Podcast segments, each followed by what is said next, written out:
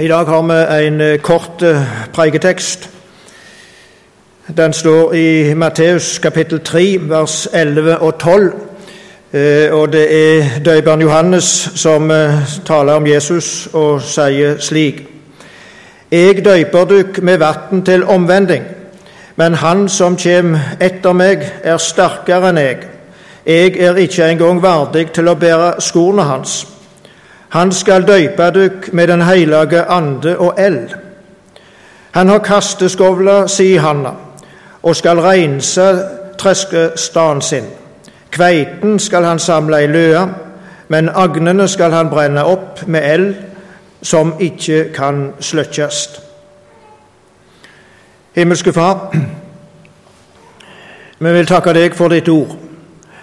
Vi takker for alt ditt ord som du har gitt oss dette åpenbaringsord som kan gjøre oss vis til frelse, og som kan forme våre liv etter din vilje. Og så takker vi i dag spesielt for de ord som vi leser med hverandre nå. Og så takker vi òg for at vi får være samla om ditt ord, og samla i ditt hus innenfor ditt ansikt. Vi takker òg for at vi kan få tenke slik, den enkelte av oss, at når vi er her nå, så er det fordi du har kalt oss i sammen, og du har kalt oss inn for ditt ansikt for å gjøre en gjerning inn i våre liv nå. Og så ber vi om at du tar oss i din hånd og steller med oss, Gud, slik som du hadde tenkt den enkelte. Vi ber om åpenbaringsånd, slik at ditt ord blir levende for våre hjerter, til gang for oss og til ære for ditt navn. Amen.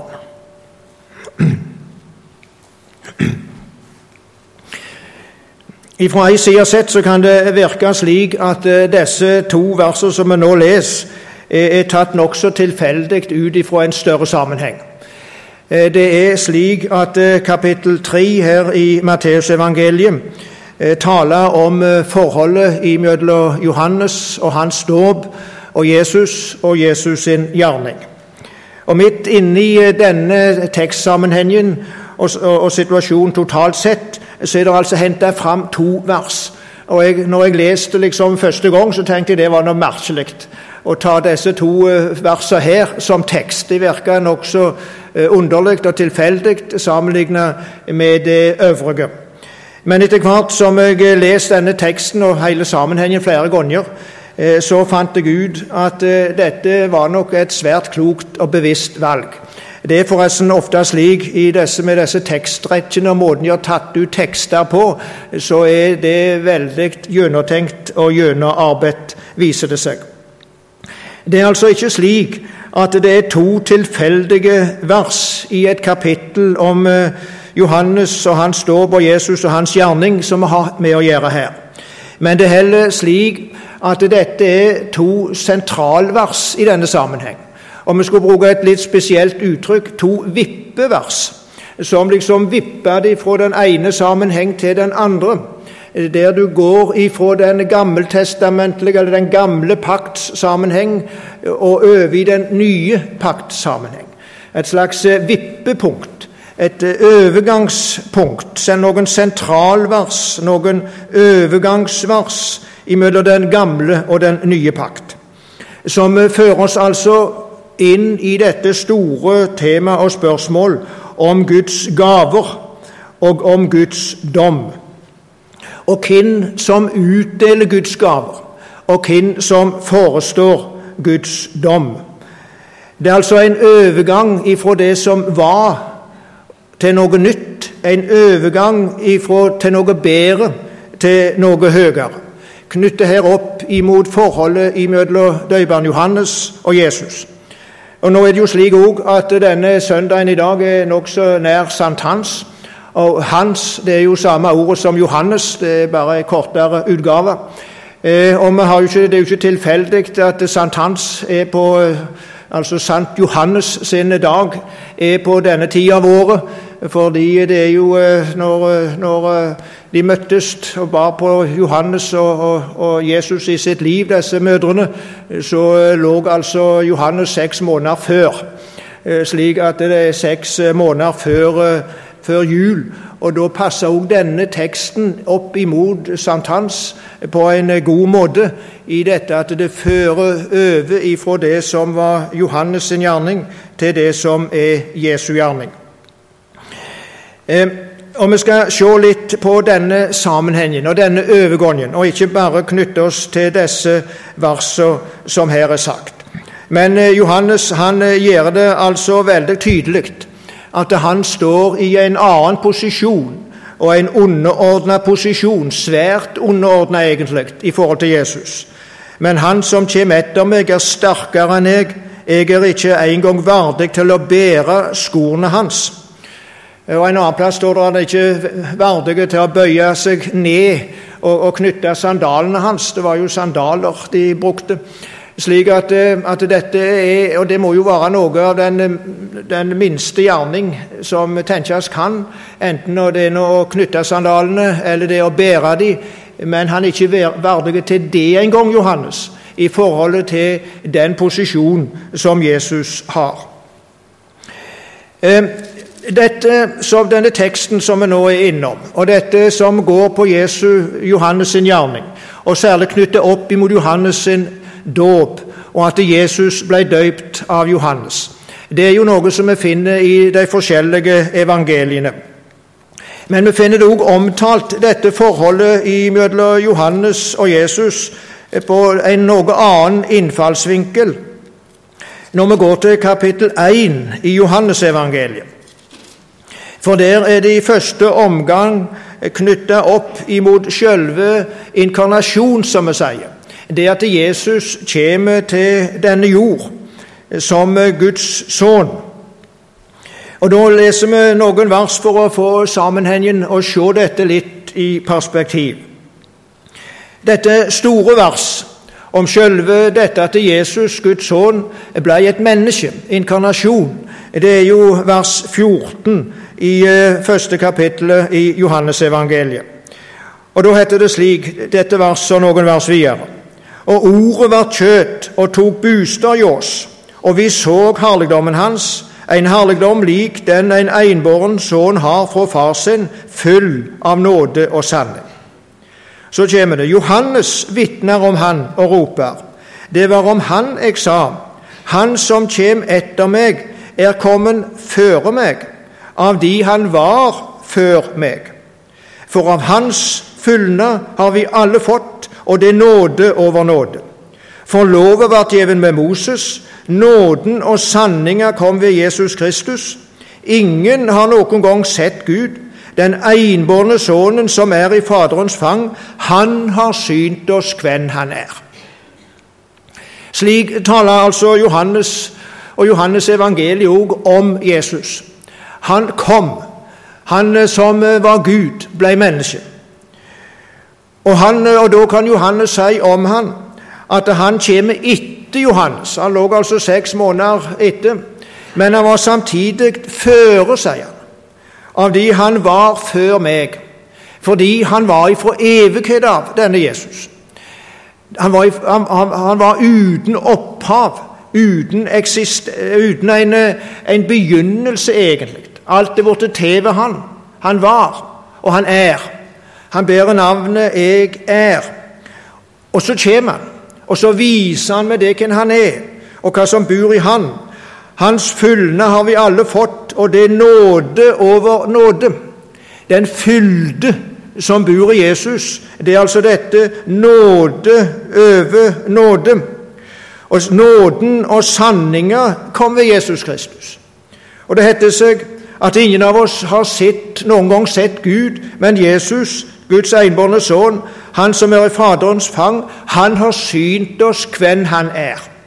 Alle ting altså knytta til Gud, til hvem Gud er, og til Guds gjerning, er, sier oss med dette, knytta til Jesu person. Han som altså både var før Johannes, og som kom etter. Og som Johannes står i et forhold til. Og det heter videre i denne samme sammenhengen dette er vitnemålet til Johannes, da jødene sendte prester og levitter fra Jerusalem for å spørre hvem er du? Da sanna han og nekta ikke. Han vedgikk jeg er ikke Messias. Og de spurte han hvem er du da? Er du Elias? Og han sier det er jeg ikke. Er du profeten? Og han svarer nei. Da sa de til han hvem er du? så vi kan gi et svar til de som sendte oss. Hvem, hva sier du om deg sjøl? Og så kommer svaret. Han sa, Jeg er ei røyst av ein som roper i øyemerket, jamna vegen åt Herren, som profeten Jesaja har sagt. Han er altså som ei røyst ifra øyemerkjum, og han virker jo bokstavelig talt òg i øyemerkjum.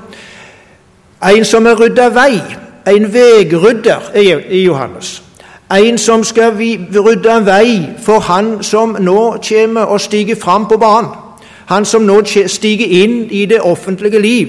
Han som ikke er ny i og for seg, for han var før, men som nå stiger fram. Han som nå skal vise hvem Gud er, og hva Guds frelse og hva Guds gave er. Johannes er en veirydder for denne. Det er hans oppgave. Men veirydderen han er altså ikke veien, og han er ikke poenget. Han rydder veien for noe som skal komme, noe som skal føres fram. Han er en tjener som står i en bestemt posisjon og i en bestemt tjeneste. Og Derfor viser egentlig veirydderen vekk fra seg sjøl og inn på veien, og til det veien fører til.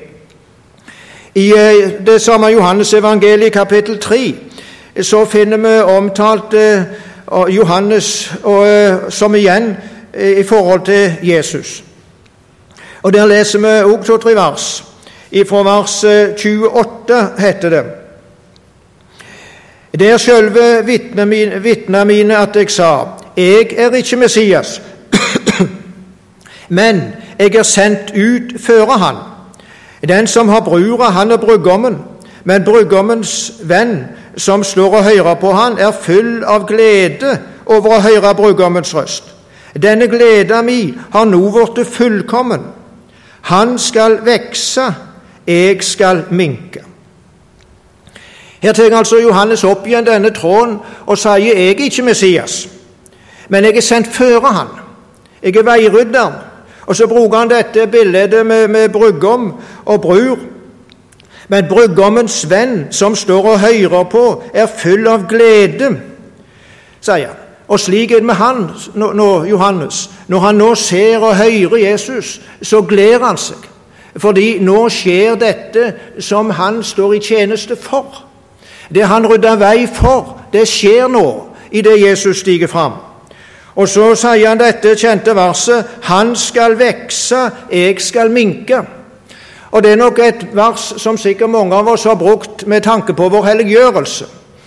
Og det er jo sant helliggjørelsesmessig at det skal være slik at jeg skal minke og Jesus skal vekse. At mitt gamle menneske skal, skal legges av og det nye mennesket ikles, slik at vi, at vi blir mer preget av Jesus. Men strengt tatt så står det ikke om helliggjørelse i dette verset. Her står det om forholdet mellom Jesus, Johannes og Jesus med tanke på forholdet mellom den gamle og den nye pakt. Det står om det med tanke på den vegrydderfunksjon som, som Johannes hadde. Der han skulle tre mer og mer til sides etter hvert som Jesus steg mer og mer fram. Der det ble mer og mer tydelig hva som nå kommer i og med den nye pakt, hva som nå kommer i og med at Messias er kommet. Det ligger, går langt utover det som ligger på Johannes sin helliggjørelse. Det er altså noe som er et frelseshistorisk grep, dette. En frelseshistorisk situasjon der det som hører den gamle pakt til, og det som hører Johannes' tid til som overgangstid, og som hører Johannes dåp til, som også en slags overgangsdåp, det skal minke, og så til, til sist er det helt vekke. Fordi Jesus har steget fram på banen. Og ikke bare steget fram på banen, men til sist så har han fullført frelsesverket. Og da står han igjen alene på banen, Jesus. Han skal, jeg skal minke, og han skal vokse i dette perspektivet. Og han sier lenger ute i det samme kapittel 3 Johannes evangeliet fra vers 34. For Han som Gud har sendt, taler Guds ord. For Gud gjev ikke anden etter mål. Faderen elsker Sønnen, og alt har han gjevet i hans hand. Den som tror på Sønnen, har evig liv. Men den som ikke vil tro på Sønnen, skal ikke se livet, men Guds vreide vært værende over han.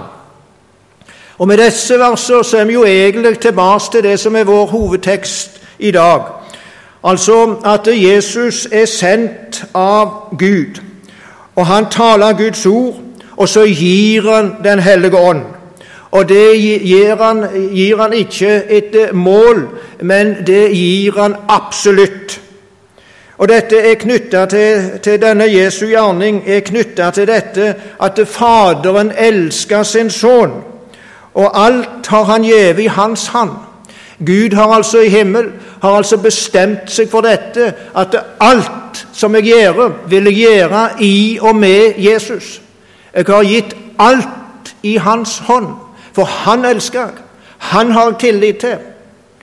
Han er den som jeg skapte ut ifra. Han er den som jeg frelser ved. Ja, kort og godt, jeg legger alt i hans hånd. Og dette skal altså nå stige fram. Og da blir det slik at vårt forhold til Jesus er det avgjørende forholdet, fordi da den som tror på Sønnen, har det evige liv. Mens den som ikke tror, han, eh, Guds vrede blir varende over den. Dette med kasteskovler på treskeplassen, det er en kilde imellom agnene.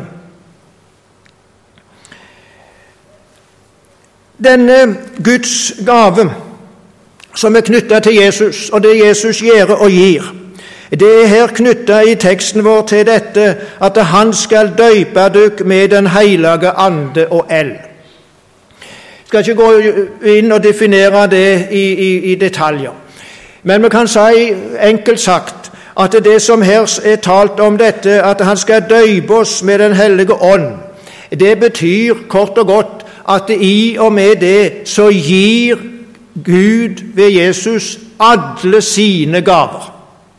Den hellige ånd er selve talsmannen. Den hellige ånd er selve formidleren, den som er, som er åpenbareren. I og med at vi blir døypte med Den hellige ånd, så får en del i alle de gaver som hører frelsen til, som hører den nye pakt til, som hører Messias-pakter til. Messias-tida til. Vi får kort og godt ta del i alt det som Gud har å gi i det at han døyper oss med Den hellige ånd. Den hellige ånd og Den hellige ånds løftet om Den hellige ånd og Den hellige ånds komme, det gjelder altså den nye pakt. Det gjelder Messias-tida. Det gjelder dette, den, den globale frelsestid. Evangeliet skal til enden av jorda. Vi kommer inn og kommer inn i en ny tid i og med dette. Det går ifra Israel til enden av jorda. Og Derfor er dette òg knyttet opp imot det som skjer pinsedag. Når, eh, når jødene hørte om dette, at de skulle bli døypte med Den hellige ånd og med eld, så var det nok eh, flere bibelvers fra Det gamle testamentet som de eh, hørte en ekko av i dette. Et av de er i Esekiel, fra kapittel 36 og vers 24 og noen vers. Og dette, dette her i Esekiel det er jo talt opp imot når israelsfolket var i eksil i Babylon. Jeg holder på å arbeide forresten, skal ha noen bibeltimer i sommer om, om dette med fangenskapet eller eksilet i Babylon. Eh, og det er veldig mye eh, av, av profetlitteraturen eh, som er knyttet opp imot dette med eksilet i, i eh, Babylon. Både dette som er sagt før, og det som gjelder mens de er der, og det som er sagt med tanke på, på gjenkomsten til Israel, og, eh, og løftene som er gitt i den forbindelse.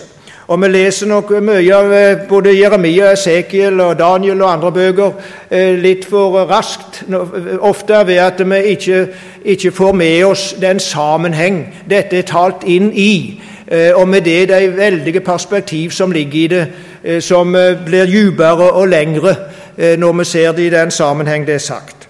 Men her er det da henta et avsnitt fra denne sammenheng, der, der Gud sier til folket sitt Jeg vil hente dere fra folket og samle dere fra alle landa, og jeg vil ta, la dere komme til deres eget land.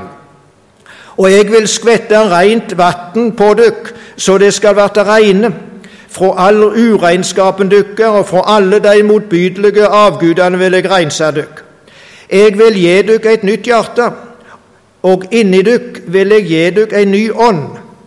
Jeg vil ta steinhjertet bort fra kjøttet deres og gi dere et hjerte av kjøtt. Min ande vil jeg gi inni dere, og jeg vil lage det slik at det følger båa mine og helt lovene mine og lever etter dem. Det skal bu i det landet jeg ga fedrene dykker, det skal være mitt folk, og jeg vil være dykker Gud. Jeg vil tro, når de hørte dette, så hørte de vers som dette klinge i sitt bakhode. Som sa de at når Den hellige ånd blir utrent, når vi blir døypte med Den hellige ånd, da vil vi bli knytta til til Gud, på en ny måte. Da vil vi få oppleve samfunnet med Han på en ny måte. Da vil vi få noe varig inn i vårt liv som er omskapende på mange vis. Og så skjer dette, vet vi, pinsedag. Den hellige ånd kommer. Først har jo Jesus da òg sagt til dem at de skal vente i Jerusalem til Den hellige ånd blir gitt. Og når de får Den hellige ånd, så skal de være vitner fra Jerusalem og via Judea og Samaria til enden av jorda. Og når Den hellige ånd blir gitt, så heter det, og da dagen for pinsefesten var kommet, var de alle samla på samme sted. Da med ett kom det en lyd fra himmelen som når et sterkt stormvær fører fram, og hele, fylte hele huset der de satt. Og det viser seg liksom eldtunger for dem, som delte seg og sette seg på, en, på hver enskilt av dem. Da ble de alle fylte med Den hellige ande, og de tok til å tale i andre tunger alt etter som anden gav dem å tale. Og Når dette blir forklart, så blir det forklart i lys av en eh, profeti fra Joel, vet vi. Men dette er det som er sagt gjennom profeten Joel.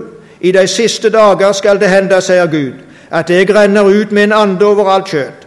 Sønnene og døtrene deres skal tale profetisk ord, de unge mennene deres skal ha syner, og de gamle mellom dere skal ha drømmer. Dette som vi nå leser om Den hellige ånds komme pinsedag, det må knyttes de sammen altså med dette som er sagt om at Jesus skal døype med Den hellige ånd.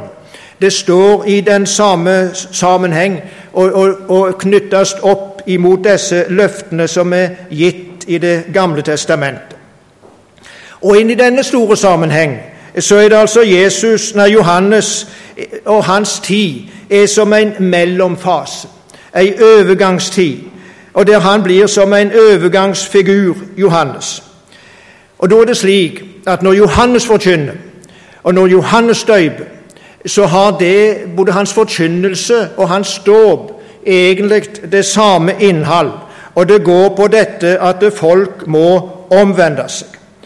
Han taler til å døype til syndserkjennelse, til syndsbekjennelse, og med, og med det òg med tanke på syndstilgivelse. Og alt dette som, taler, nei, som Johannes taler og gjør, er knytta til den dåp som han utfører. I eh, dette kapittel 3 i Matteusevangeliet som vi har teksten ifra, så heter det jo ifra starten slik I de dagene sto døyperen Johannes fram og forkynte i øyemerket Judea. Han sa, Vend om, for himmelriket er kommet nær. Det var hovedbudskapet. Vend om, for himmelriket er kommet nær. Og Himmelriket står for mange ting, men det står særlig for dette at det Messias, selve frelsen i Jesus, den frelse som er lovt i Det gamle testamentet knyttet til Herrens tjener Messias, den er nå kommet nær. Vend om. Ta imot dette. Og så stiger altså Jesus inn på banen i, i, i det lys og i den sammenheng. Og han eh, sier da videre fra vers 5 eh, og, og 6 når han forkynte slik, så står det da drog Jerusalem og hele Judea og landet langs med Jordan ut til han, og vært døypte av han i Jordan, i det de sanna syndene sine. Det er sikkert litt eh, slik eh, snakket i store bokstaver, han har altså sagt, når det står at, eh, at drog Jerusalem og hele Judea og landet langs med Jordan ut til han. Det vil jo si at det var ei folkevandring. Folk i stort tall. Folket som sådan søkte til Johannes. Og de, de, det skjedde dette at de ble døypte i det de sanna syndene sine. Og Så sier Johannes videre til dem.: Så ber da frukt som sømer seg for omvendinger. og tru ikke at det kan tenkes slik, vi har Abraham til far. For jeg sier dykk, Gud kan vekke opp barna til Abraham av disse steinene. Øksa ligger alt inn med rot av treet. Hvert tre som ikke bør frukt, blir hogget ned og kasta på elven. Og så er det det kommer, disse versene som vi har lest om hvordan Jesus eh, skal, skal gjøre noe nytt i forhold til dette. Men så er det òg vi har denne situasjonen som vi må ta med oss ganske kort. Johannes han døyper altså i det folk bekjenner syndene sine. Og Derfor sier vi at eh, Johannes' dåp var en synders dåp. Det var en omvendelsesdåp. Og så er det Jesus òg kommer og vil bli døypt med denne dåpen. Han som eh, var uten synd, og som Johannes på et eller annet vis hadde fått eh, innsikt i det, at denne, denne Jesus, selv om han var hans slektning, så var han av en annen karakter enn alle andre. Han var uten synd. Han var den, den Herrens tjener som var gitt løfter med Det gamle testamentet. Han var Messias. Han var Guds sønn. Og Når han da kommer og vil eh, bli døypt til Jesus med synders dåp, en dåp altså til syndsbekjennelse, så får Johannes problem. Og Da heter det fra vers 13 Da drog Johannes fra Galilea til Jordan og kom til Johannes da drog Jesus fra, Jordan, fra Galilea til Jordan og kom til Johannes for å bli døypt av han. Men Johannes nekta han det og sa:" Jeg trenger å bli døypt av deg, og du kommer til meg. Men Jesus svarer han og sa:" La det nå verte slik, for såleis sømer det seg for oss å fullføre all rettferd. Da let han det verte slik. Hva er det som skjer her? Dette er veldig spesielt, nemlig. Når, Johannes, eh, når Jesus kommer og vil bli døypt med en dåp som er en dåp for syndere. En dåp som bærer i seg at den som blir døypt, bekjenner sine synder. Og Jesus hadde altså i sitt liv og i sin natur ingen synd å bekjenne. Hva er det da som skjer? Jo, da er det Jesus stiger altså fram som verdens frelser. Og i og med at han lar seg døype, som en helt spesiell situasjon, der han, eh, han altså sier for eh, la det nå verte slik, for, sli, for såleis sømmer det seg for oss å fullføre all rettferd. Det som skjer med Johannes dåp, eh, med, med Jesu dåp, er noe som aldri skjedde ellers. Verken når Johannes døypte, eller når andre har døypt. Hva er det som skjer? Jo, nå kommer Jesus, og han bekjenner synd. Han bekjenner ikke si synd, personlige synd, men han bekjenner all verdens synd som si synd. Han bekjenner de synd som si synd. Jesus bekjenner synd der ved Johannes dåp. Det var umulig å bli døypt av Johannes uten å erkjenne synd. Men han bekjenner altså Jesus verdens synder. Tar verdens synder på seg, bekjenner verdens synder som sine tilegner seg hver ei synd på denne jord og gjøre den til si. De synd bekjente Jesus som si synd her ved Jordan. Og hva skjedde i forlengelsen av det? Jo, da bekjente han de og mi synd for å sone denne synd. Det var en bekjennelse av de og mi synd for at han skulle sone syndene våre til frelse og til evig liv. Og dette som her skjer, det er helt tydelig etter Guds den allmektige sin eh, vilje fordi, og plan.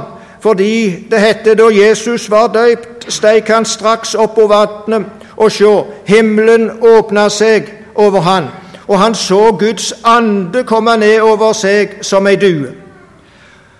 Og siden Guds ånd nå kom ned over Jesus, så kunne han i neste omgang òg døype med Den hellige ånd. Gi del i denne Guds gave som nå var over Jesus i kraft av det han nå var døypt til. Det kunne han gi videre ved det som skjer i forlengelsen av dette. Og sjå, det høyrdes ei røyst fra himmelen. Dette er sønnen min, som jeg elsker, han som jeg har hugna i. Det var nok slik alltid for, for Gud Fader i himmelen at han elsket at han hadde sin hugna i Jesus, sin egen sønn. Men nå kan det sies at han på dobbelt vis hadde sin, sin hogna i Jesus, elska Jesus, fordi nå var Jesus gått inn under menneskeslekta si synd for å sone den, for å vare og bli den frelser som han var tenkt til. Så nå kunne Gud elske Jesus dobbelt, som sin sønn og som forsoneren, som den som tilveiebringer frelse. Og han lot denne røst ifra himmel høyrast. Dette er sønnen min, som jeg elsker, han som jeg har hugna i, både som min sønn og som min frelser. Som den som skal døype med Den hellige ånd og gi del i alle Guds frelsesgaver.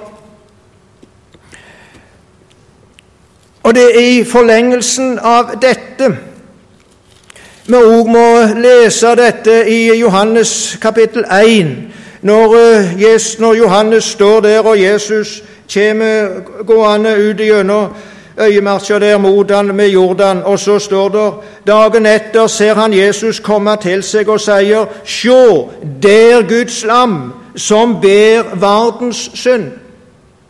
Og så føyer han til litt eh, lenger nede, eh, Johannes, at han har sett at, at Den hellige ånd er, er kommet over han. Johannes vitna sa, 'Jeg har sett Anden komme ned fra himmelen som ei due og vært værende over han.'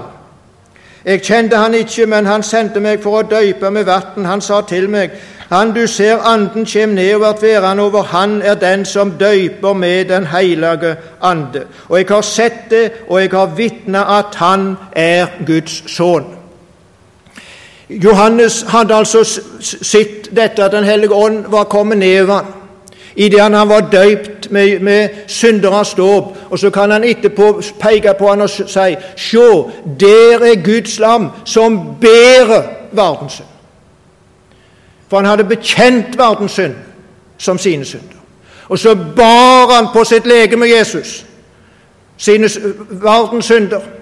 Og han bar de til dess det står i 1. Peters brev at han bar syndene våre på sitt legeme opp på korset. Og så sonte han for dem.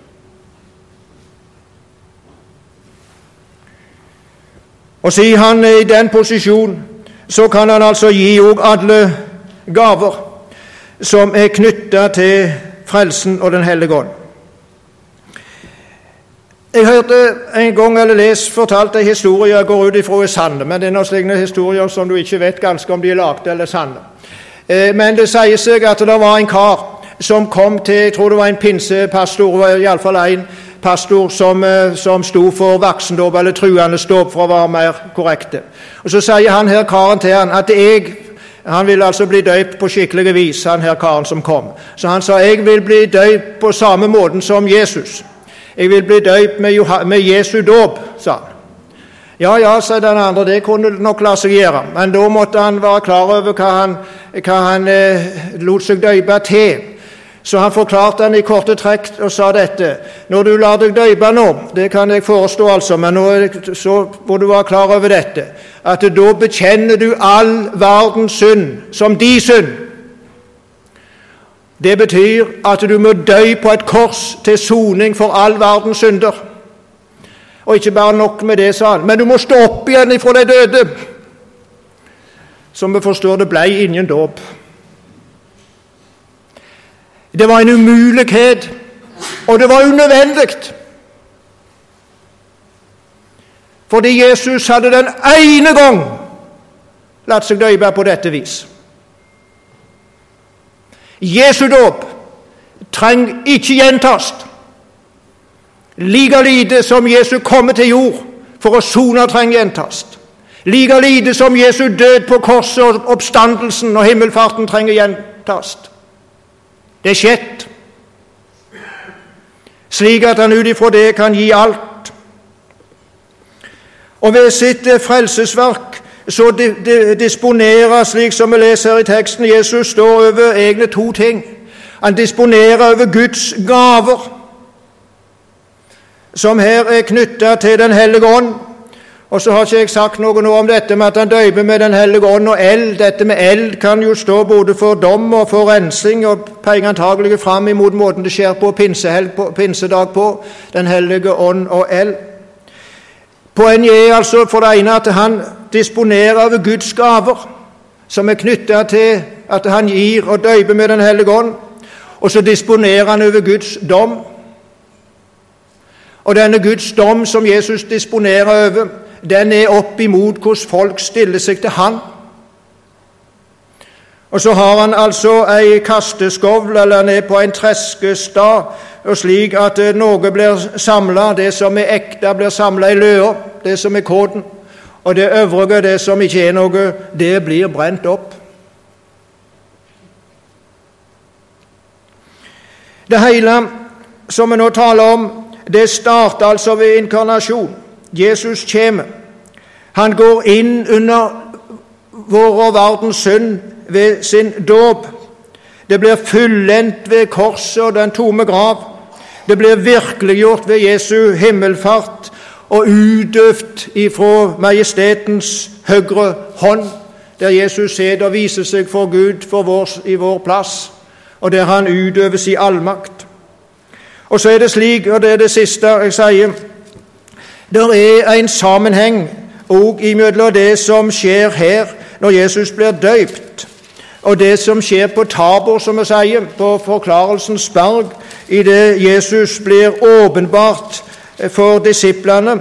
Det er mange ting som er veldig like i det som, eh, som skjer da, og det som skjer ved starten, altså ved Jesus, når Jesus blir døypt, og dette som skjer når det skal åpenbares, forklares hva, hva dette går ut på, så heter det og vi sto altså her i kapittel, kapittel 3 og vers 17 og sjå, det høyrdes ei røyst fra himmelen. Dette er sønnen min som jeg elsker, han som jeg har hogna i. Og så sies det på Tabor Ennå medan han taler, sjå, da kom ei lysende sky og skygde over deg, og sjå, ut av skya hørtes ei røys som sa, Dette er sønnen min, som jeg elsker, han som jeg har hogna i, høyr han. Høyr han, blir det født til. Det er han vi nå skal forholde oss til, og ikke Johannes. Johannes' i tid er omme. Høyr Jesus. Hold dere til Han og det Han har gjort. Gud har nemlig knytta all sin gjerning og all sin frelse til Jesus. Og Det har han gjort fordi Jesus er den Gud elsker. Og så elsker han samtidig med den samme kjærlighet som han elsker Jesus med, den som er i Jesus. Det vil si den som har del i det Jesus har gjort. Derfor høyr Jesus. Den opphøgde, den fremste.